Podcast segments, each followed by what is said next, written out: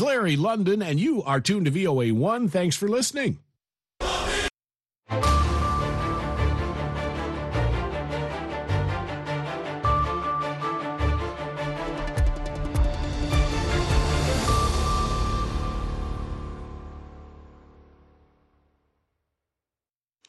halkani waa washington laanta afka soomaaliga ah ee v o a oo aad ka dhegaysanaysaan mawjadaha gaagaaban hiriirka efimada geeska africa iyo caalamka oo dhan oo aad naga dhegaysanaysaan bogga v o a somaly com.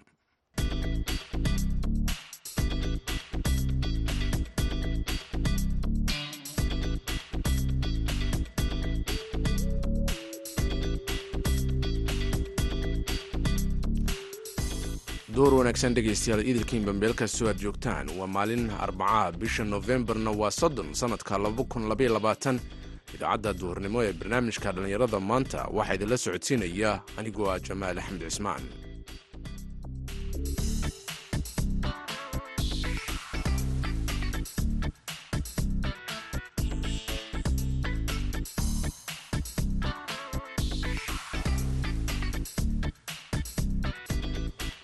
Qodobada aad ku dhegaysan doontaan idaacadda duhurnimo ee barnaamijka dhallinyarada maanta waxaa ka mid ah dhibaatada ay dhallinyarada tahriibka kala kulmaan wallaahi safarkaasi safar aada u dheer ayuu ahaa. Wuxuu nagu qaatay inaan ku safarno inta u dhexaysa saxaraha libiya iyo suudaan. Muddo aan isdhihi karo laba isbuuc ayaan ku jirnay. Dhibaatooyin fara badan ayaan kala kulannay. Waxaa dhacday in intii aan waddadaasi ku sii jirnay inta u dhexaysa libiya iyo suudaan in sahydii aan wadanay ay naga go'day waxaad kaloo dhegaysan doontaan warbixin ka hadlaysa bandhigga bugaagta oo lagu soo gebagabeeyey magaalada boorama iyo doorkii ay dhallinyarada ku lahaayeen. Heesaha iyo ciyaaraha ayaan ka marnayn ee wararkii ugu dambeeyey koobka kubadda cagta adduunka hase yeeshee intaasoo idil waxaa ka horeynaya warkii dunida ee ku soo dhowaada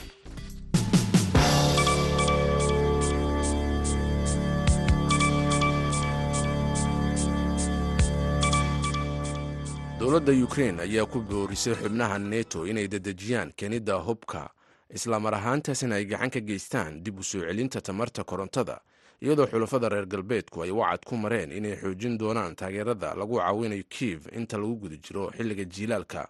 Markaas oo ruushku weeraro weli ku hayo waddanka ay dariska yihiin ee ukrein moscow ayaa qaaday mawjado duqaymaa oo ka dhan ah kaabayaasha tamarta ee ukrein iyadoo ciidamadeeda dib looga riixay dhul taas oo malaayiin qof gelisay mugdi. Wasiirka arrimaha dibadda ukrein dimitro kuleba ayaa ku baaqay in sahayda hubka gaar ahaan nidaamka difaaca hawada oo horumarsan in sida ugu dhaqsiyaha badan uguna degdegta badan loo keeno waddankiisa. Hadalkaas oo uu ka sheegay shir laba maalmood socday oo wasiir arrimo-dibadeedyada dalalka neto ay ku yeesheen caasimadda rumeniya ee bukharest markaan haysanno nidaamyo iyo koronto dhaliya waxaana dib u soo celin karaynaa buu yidhi nidaamka tamarta waxaanana siin karaynaa dadka xaalado nololeed oo aada u wanaagsan. Guddi gaara loo xilsaaray in ay ka soo aramiyaan in madaxweynaha koonfur africa sirial ramavosa uu wajihi doono dacwad la xiriirta xilka xayuubin oo ku aadan dembiyo lagu soo eedeeyey. Oo ah inuu qariyey faldembiyeed ayaa arbacada maanta wixii ay ka soo saareen baaritaanadooda u gudbiyey baarlamaanka dalkaasi kooxdan oo ka kooban saddex qof uu hogaaminayo guddoomiyaha guddigii hore ee garsoorka ayaa warbixintooda ku wareejiyay afhayeenka baarlamaanka waddankaasi. Xaflad laga sii daayay tv-ga oo ka dhacday capton wareejinta warbixintan waxay calaamad u tahay mid ka mid a marxaladaha tilmaamaha u ah dimuqraadiyadeena qaangaarka ah ee koonfur africa ayay tiri mabiza oo ah afhayeenka waddankaasi iyada oo ka hadlaysay mar ay heshay warbixinta ay guddigaasi soo gudbiyeen guddigan ayaa la aasaasay bishii sebtembar sannadkii waa sebtembar sannadkii kii kadib eedeymo lagu sheegay inuu qariyay xatooyo ka dhacday qasriga beerta ee ramavosa taas oo noqotay fadeexad dhaawacday sumcadda madaxweynaha. Islamar ahaantaasina waxyeelaysay iskudagiisii ahaa in mar kale loo doorto hogaanka xisbiga talada haya ee a n c dowladda mareykanka ayaa ansixisay in dalka qatar laga iibiyo hub gaaraya ilaayo hal bilyan oo dollar. Waxaana arrintaani la shaaciyey intii lagu guda jiray wakhtigii nasashada ciyaarta koobka kubadda cagta adduunka ee dhex martay xulalka mareykanka iyo iiraan oo ku soo dhammaatay in xulka mareykanku hal gool kaga badiyo dalka iiraan una gudbo wareega bugbaxda wasaaradda arrimaha dibadda mareykanka ayaa ku dhawaaqday in markaasi ay saxiday heshiiskaasi hubka lagaga iibinayo dalka qatar taas oo ay ku jiraan ilaa iyo toban ka mid ah hanaanka difaaca diyaaradaha aan duuliyaha la soconin iyo hub kala gedisan. Qatar ayaa iyo dalalka kale ee ku yaalla gacanka carabta ayaa waxa ay daandaasi kala kulmaan dalalka iiraan iyo xulafadeeda qoraal ay soo saartay wasaaradda arrimaha dibadda mareykanka ayaa lagu sheegay in heshiiska hubka inuu taageerayo siyaasadda arrimaha dibadda iyo amniga qaranka mareykanka iyadoo gacan ka geysanaysa hagaajinta ammaanka dalka ay saaxiibada la tahay mareykanka waxaana arrintaasi oo ay gacan ka geysanaysaa inay ahaan doonto awood muhiim ah xasiloonida siyaasadeed iyo horumarinta dhaqaalaha ee bariga dhexe. Warkii dunida dhegeystayaal waa nagayntaa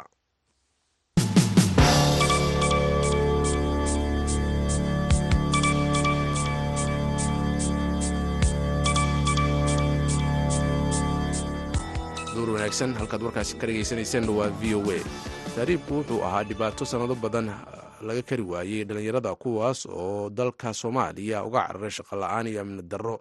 Laakiin waxay u bareereen safarro halisa oo qaarkood lagu waayey noloshooda. Kuwo kalena waxaa jira inay u gacan galeen kooxo qowlaysato ah iyo xabsiyo kuwo markaasi mutaystay oo muddo dheerna ku jiray. Cabdikariin maxamed siyaad oo la yaqaano shabeelow waa suxuufi laba jeer ka tahriibay soomaaliya waxaana uu la kulmay xabsi iyo in uu halis ku galo lamadegaanka u dhexeeya dalalka liibiya iyo suudaan waraysi dheer oo arrintani uu siiyey wariyaha v o a muqdisho cabdicasiis barrow ayuu marka hore kaga hadlaya qaybtani arrimaha ku saabsan tahriibka iyo sida ay ugu soo dhacday inuu waddanka ka tahriibo. Niyahow safaro dhowra oo tahriib aan ku galay ayaa jiray.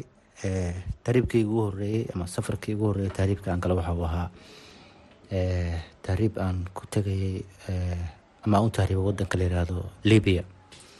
Waa safarkayga ugu horeeyey oo aan tahriib aan aan ku tago wadankaasi anigoo xilligaasi doonaya inaan uga sii tallaabo waddamada qaaradda yurub. Ma xasuusataa sanadka goortoba wallaahi waxaan dhihi karaa labadii kun iyo labadii inay tahay aan jeclahay. Markii safarkii ugu horeeyay tahriibkaan ku tegaya wadankaasi libiya safarkaasina wuxuu ahaa safar runtii aan dhihi karo safar aada u dhib badan.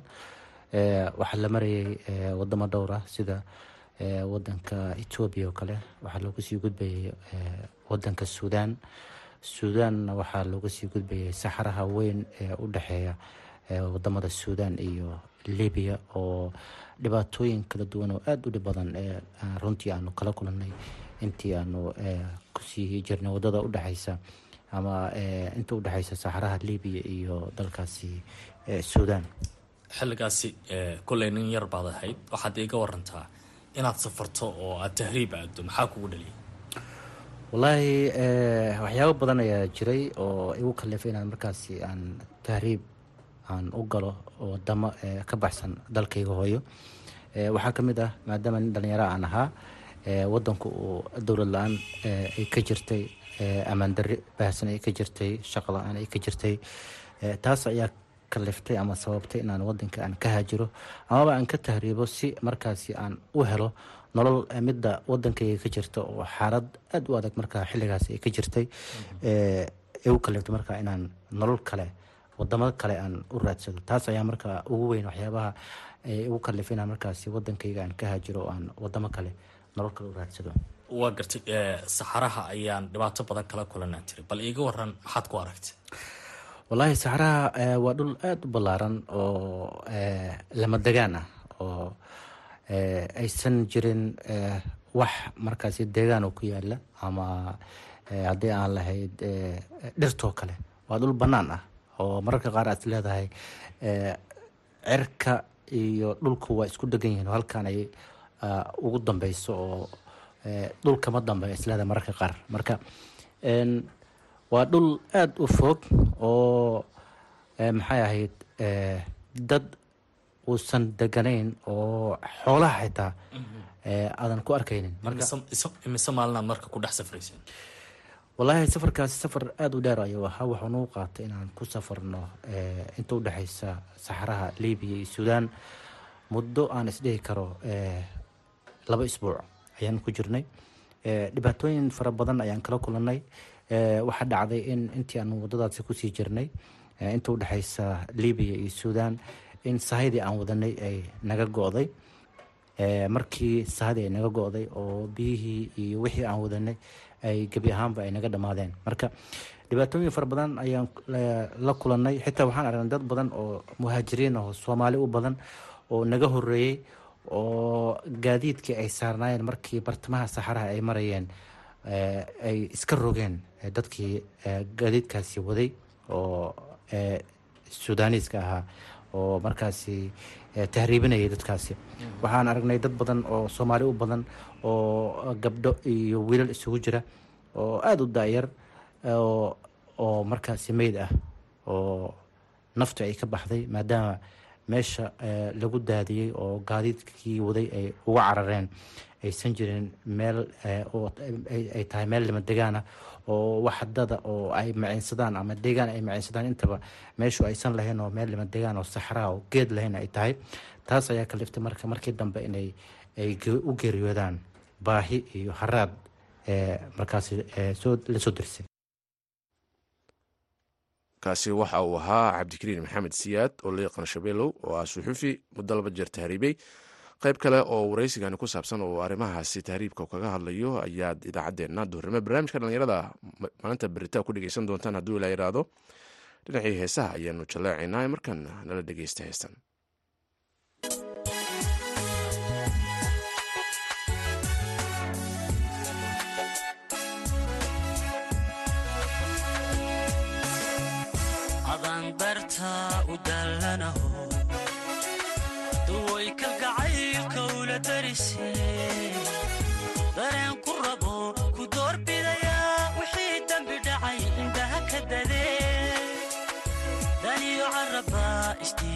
isdiidi kare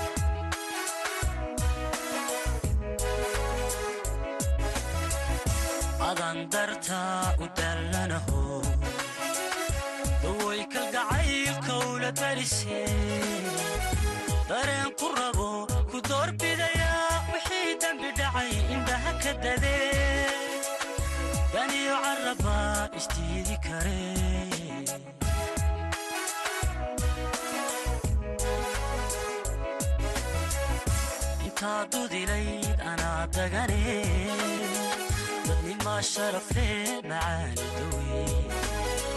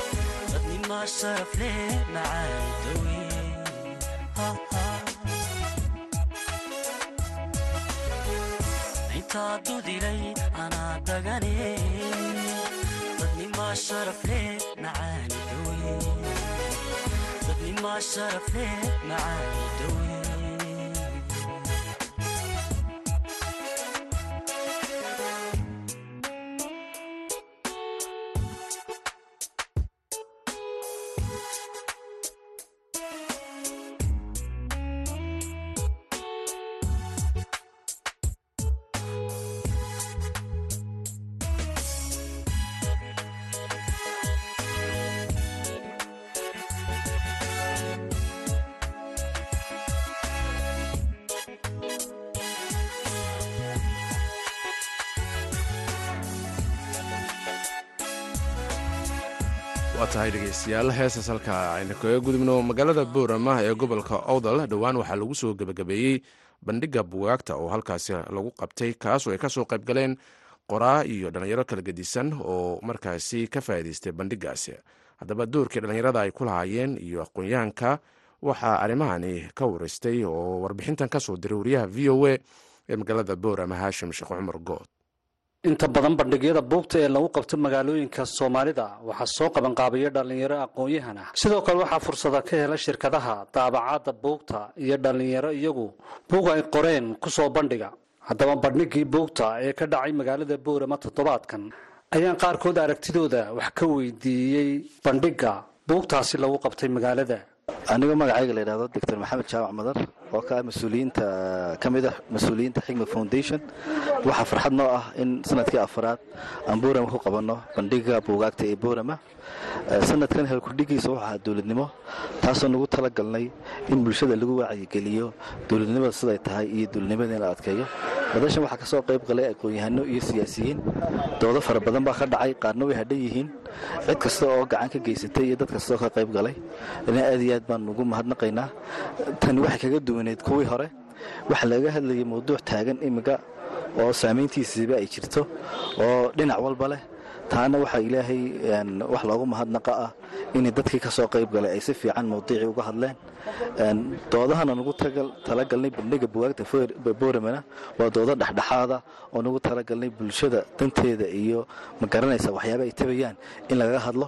Waxaa aad u xiiso badnaa maanta oo ma garanaysa joogay maayaradii dalka iyagoo doodoodu ay ahayd ama laga wareysanayey ama su'aale lagu weydiinayey adeegyada bulshada ay u hayaan iyo sida ay yihiin iyo waxyaabaha qabyada iyo waxyaaba ay tabayaan dadku dabcan aad iyo aad bay u soo dhoweeyeen madalaha caynkan oo kale ana waxaan ku dhiirigelinaynaa inay bataan oo la joogteeyo.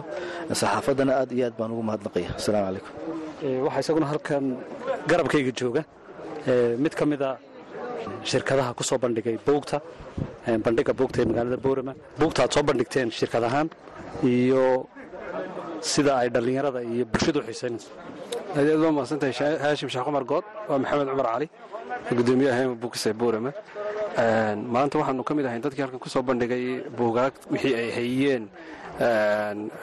Bandhiga buugaagta boorama oo markii afraad laga qabtay magaalada dad badana ka soo qayb galeen. Mawduuc ay ka hadlayeenna ahayd dowladnimada waxaan si khaasa xooga u saarnay inaan halkan keenno buugaagta dowladnimada iyo dowlad dhiska ka hadlaya si ay uga faa'iidaystaan dadku maadaama mawduuca ay ka hadlayaan uu yahay mawduuc xasaasi ah waa markii afraad ee hema bookis ka qayb gasho. Hema bookis oo waxyaalo fara badan runtii halkan ku soo bandhigtay. Waxa ay xoogga saaraysaa si ay magaraysaa dadku xaqriska iyo qoraalka u badiyaan. Sidoo kale waxaanu xoogga saarnay inaannu wixii labada cisho ee halkan ku jira labada cisho ee lagu guda jiro bandhiga buugaagta inaannu dhiskown samaynay. Boqolkiiba soddona dadkuna ay ka faa'iidaysanayaan saa darteedna aan dadka mar kale ugu celinayno uguna bashaaraynayno inay boqolkiiba soddonkaa ka faa'iidaystaan dhiskownkaa ee aanu samaynay labada cisho ee bandhiga buugaagtu soconay waananu mahad celinaynaa dadka ka qayb galay iyo sidoo kale dadka kale mas'uuliyiinta iyagoo nagala soo qayb galay iyo sidoo kale dadka abaabulay si gaaraan ugu mahad celinayna aad baa mahadsantahay haashim adiguna muuse maxamed eriye waxaan ahay gudoomiyaha xikma foundation ee sanad walba soo qabanqaabisa bandhiga buugaagta ee boorama. Bandhiga buugaagta ee boorama waxaa lagu soo bandhigay buugaag fara badan. Dhammaan waxaa yimid cid kasta oo buug raad ku leh ama daabacda ama qorta taasina waxa weeyaanuun si aaday u sii bishay maadaama munaasabadooda ay taa tahay. Buugoo keliya laguma soo bandhigo sidoo kale waxaa jira barnaamijyo kala gedisan oo lagu qabto oo doodo aqoon isweydaarsiiya intaba. Ah waxaan aad meesha uga maqnayn in dadka baahiyaha gaarkii ay kaalin weyn ay kaga jiraan arrimahan oo kale hadday noqoto ka qaybgalka hadday noqoto muxuu ahaa doodaha iyo barnaamijyada marba taagan. Waxaan runtii aad ugu faraxsannahay inuu markii afraad uu si taxaano ah ama isdaba jooga uu barnaamijkan u qabsoomo waan sii socon doonta haddii ilaha idhaahdo si aan uga gaadhno guul dadkeennana aynu u gaadhsiino afkaarta mar walba caafimaad qabta ee noloshoodan iyo horumarkooda wax badan ka tari karta. Kuwaasi waxay ahaayeen qaar ka mid a aqoon-yahankii bandhiga buugta ee boorama ka dhacay soo qabanqaabiyey iyo shirkadihii buugta ku soo bandhigay qaarkood. Haashim sheekh cumar good v o a boorama. Waa tahay aad buu mahadsan yahay haashim. Dhegeystayaal markana warkii ugu dambeeyey koobka kubadda cagta adduunka ayaan idiin soo gudbinaynaa. Waxaana aan idinkugu duwayaa faarax maxamed cali faarax buluw iyo maxamuud mascade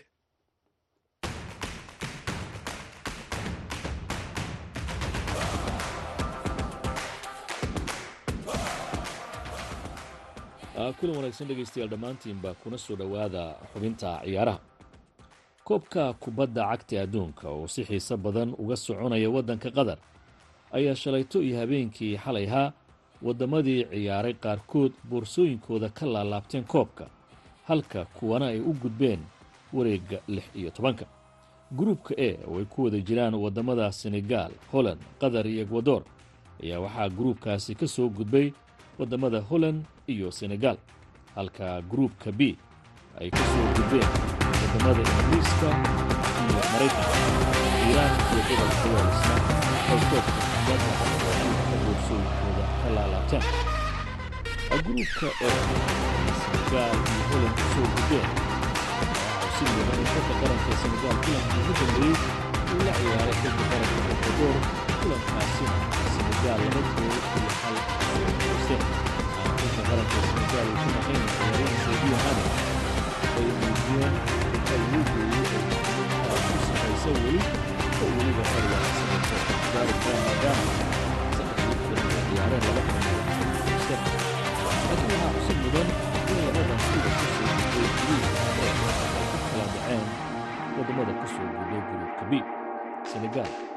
xulka qaranka ingiriiska ay wareegga lix iyo tobanka isdaba gaareen halka xulka qaranka ee holand iyo maraykankana ay baautan doonaan haddaba kulamadaasi dhacay habeenkii xalay ee waxaa waddanka maraykanka u suura gelay inuu ka soo adkaado iiraan iyo senegaal awoodeedu inta ay leegtahay maadaama ay wareegga lix iyo tobanka galeen kala kaldoonaya farax axmed cali farxuu farax shidow farax bal marka hore aan ku bilaabano maraykanka iyo iiraan kulankan dabcan ahaa kuwan si weyn isha loogu eegayo marka la eego xulkanka siyaasadeed ee labada dal u dhexeeya.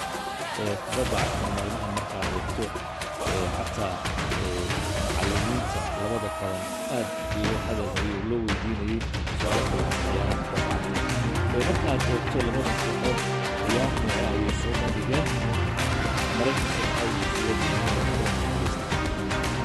maraykanka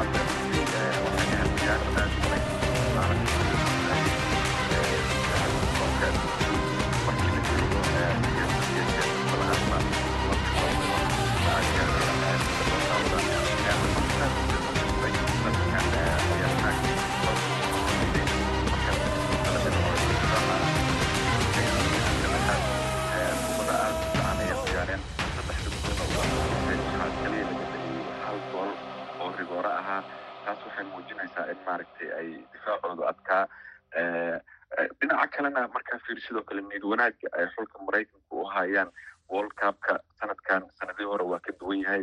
Waxay niyad wanaagga ayaa runtii xulka maraykanka ka muuqda. Inta badanna ciyaartooydoodu waxay ka ciyaaraan horyaalada waaweyn oo professionalka ingiriiska iyo faransiiska iyo maaragtay iyo spain iyo jarmalka intaba. Waa tahay farax marka aad eegto iiraan dad badan waxay saadaalinayeen in kulankan ugu yaraan ay barbare ka heli kareen. Ciyaartooda marka aad eegtay maxaa ka qaldama iyaga runtii iiraan waxyaabo badan way way ka qaldanayaan gaar ahaan iiraan weerarkii ay soo ciyaartay labadii kulin oo kale runtii kale ma aysan ciyaarin ama xala ma ciyaarin. Taasna waxaa la dhihi karaa waxaa daliil ah aragtida ama maaragtay sida qaabka ay badniga u ciyaarayaan maraykanka oo isaga difaacayeen weeraradooda intooda kale. Marka waxaan is leeyahay runtii udhooduna garoonka markay soo gelayeen inay ku soo galaan xoogaan iyo jab ah maaragtay in maaragtay ay maraykan ka badin karo.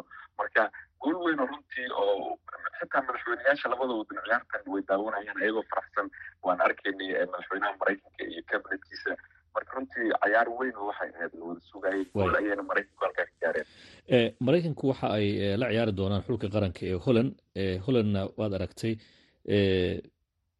awoodeedu sidaa uma badnayn sanadkan oo labadii kulan saddexdii kulan ay soo ciyaareen laba unbay badiyeen halka kalena ay barbareeg wadoor la galeen maxaad is leedahay kulanka labada dal way soo bandhigi doonaan? Yaase soo gudbi karaad is leedahay?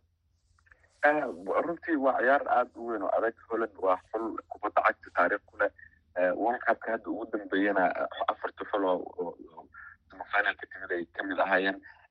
Waxaan runtii is leeyahay marka loo fiiriyo ciyaartooyda yaryar iyo firfircoonida iyo maaragtay difaacooda iyo qaab ciyaareedka ciyaarayaan maaragtay maraykanka inaan sanadkan la dheelsan karin waya xulka qaranka ee senegal waxau noqday qarankii ugu horreeyay afrika ka socda ee tartankan koobka kubadda adduunka qaybgalaya oo u soo gudbay ee wareega lix iyo tobanka. Iyaga maxaad is leedahay awoodoodu intay la eg tahay ingiriiska iyo ayaga maxaa laga fili karaa inay soo bandhigaan? Waa maasanta masaada runtii? Waa ciyaar kaloo adag oo maaragtay falanqaynteedu ay u baahan tahay in dhinacyo badan laga eego xulka senegal waa markii ugu horreysay muddo labaatan sana ay u soo gudbaan wareega lix iyo tobanka ee koobka adduunka runtiina ciyaartooyda sanadkan gudhiisa oo ciyaaraysaa waa ciyaartooy heer professional ah oo waddamada waaweyn oo yurub horyaaladooda ka ciyaara waxaa xusid mudan inay horyaalka africa ay yihiin oo ay soo qaadeen koobka africa ingiriiskay la ciyaarayaan oo sannadkii la soo dhaafa isna maxaa la yidhaahdaa ama sanadkan ba tegay finalka ciyaaraha yurub waa kii talyaanigu ka qaaday waa ciyaar runtii iyaduna weyn waxaan sugaynaa oon maaragtay ciyaartaas inay soo gasho.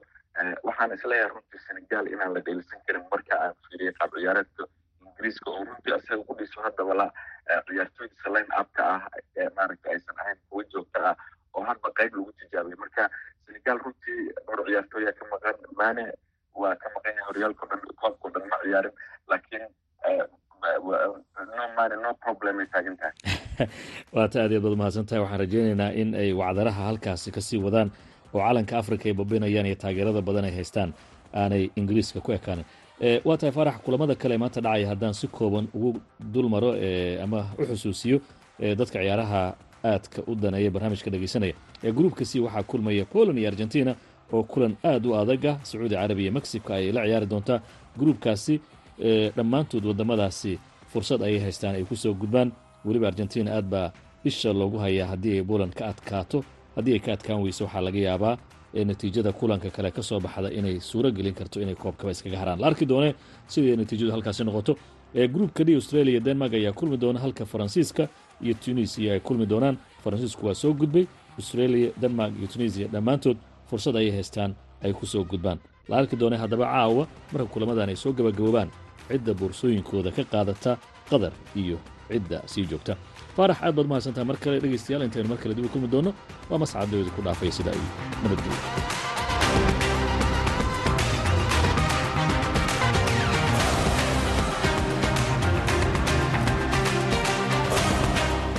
mascade iyo faarax bulu ayaan la socodsiinaya. Aad bay u dhegeystayaal waxaanu ka cudurdaaranaynaa in qaybtii hore ee barnaamijkaasi cilado farsamo aawadeed ay muusikadu ka dheereyd codadka. Hase yeeshee dhinacii heesaha ayaanu jalleecaynaa markan ku soo dhowaada heestan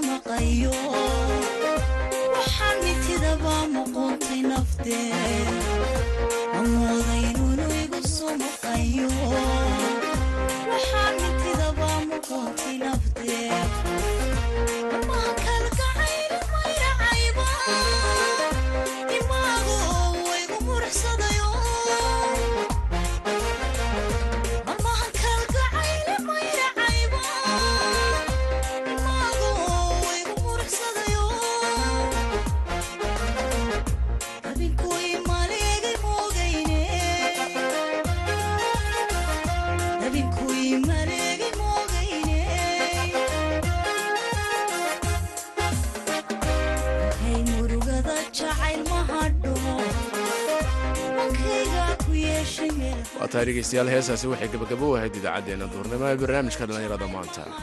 Tan iyo afarta galabnimo waxaan idinkaga tegayaa anigoo jamaal axmed cismaan nabadgelyo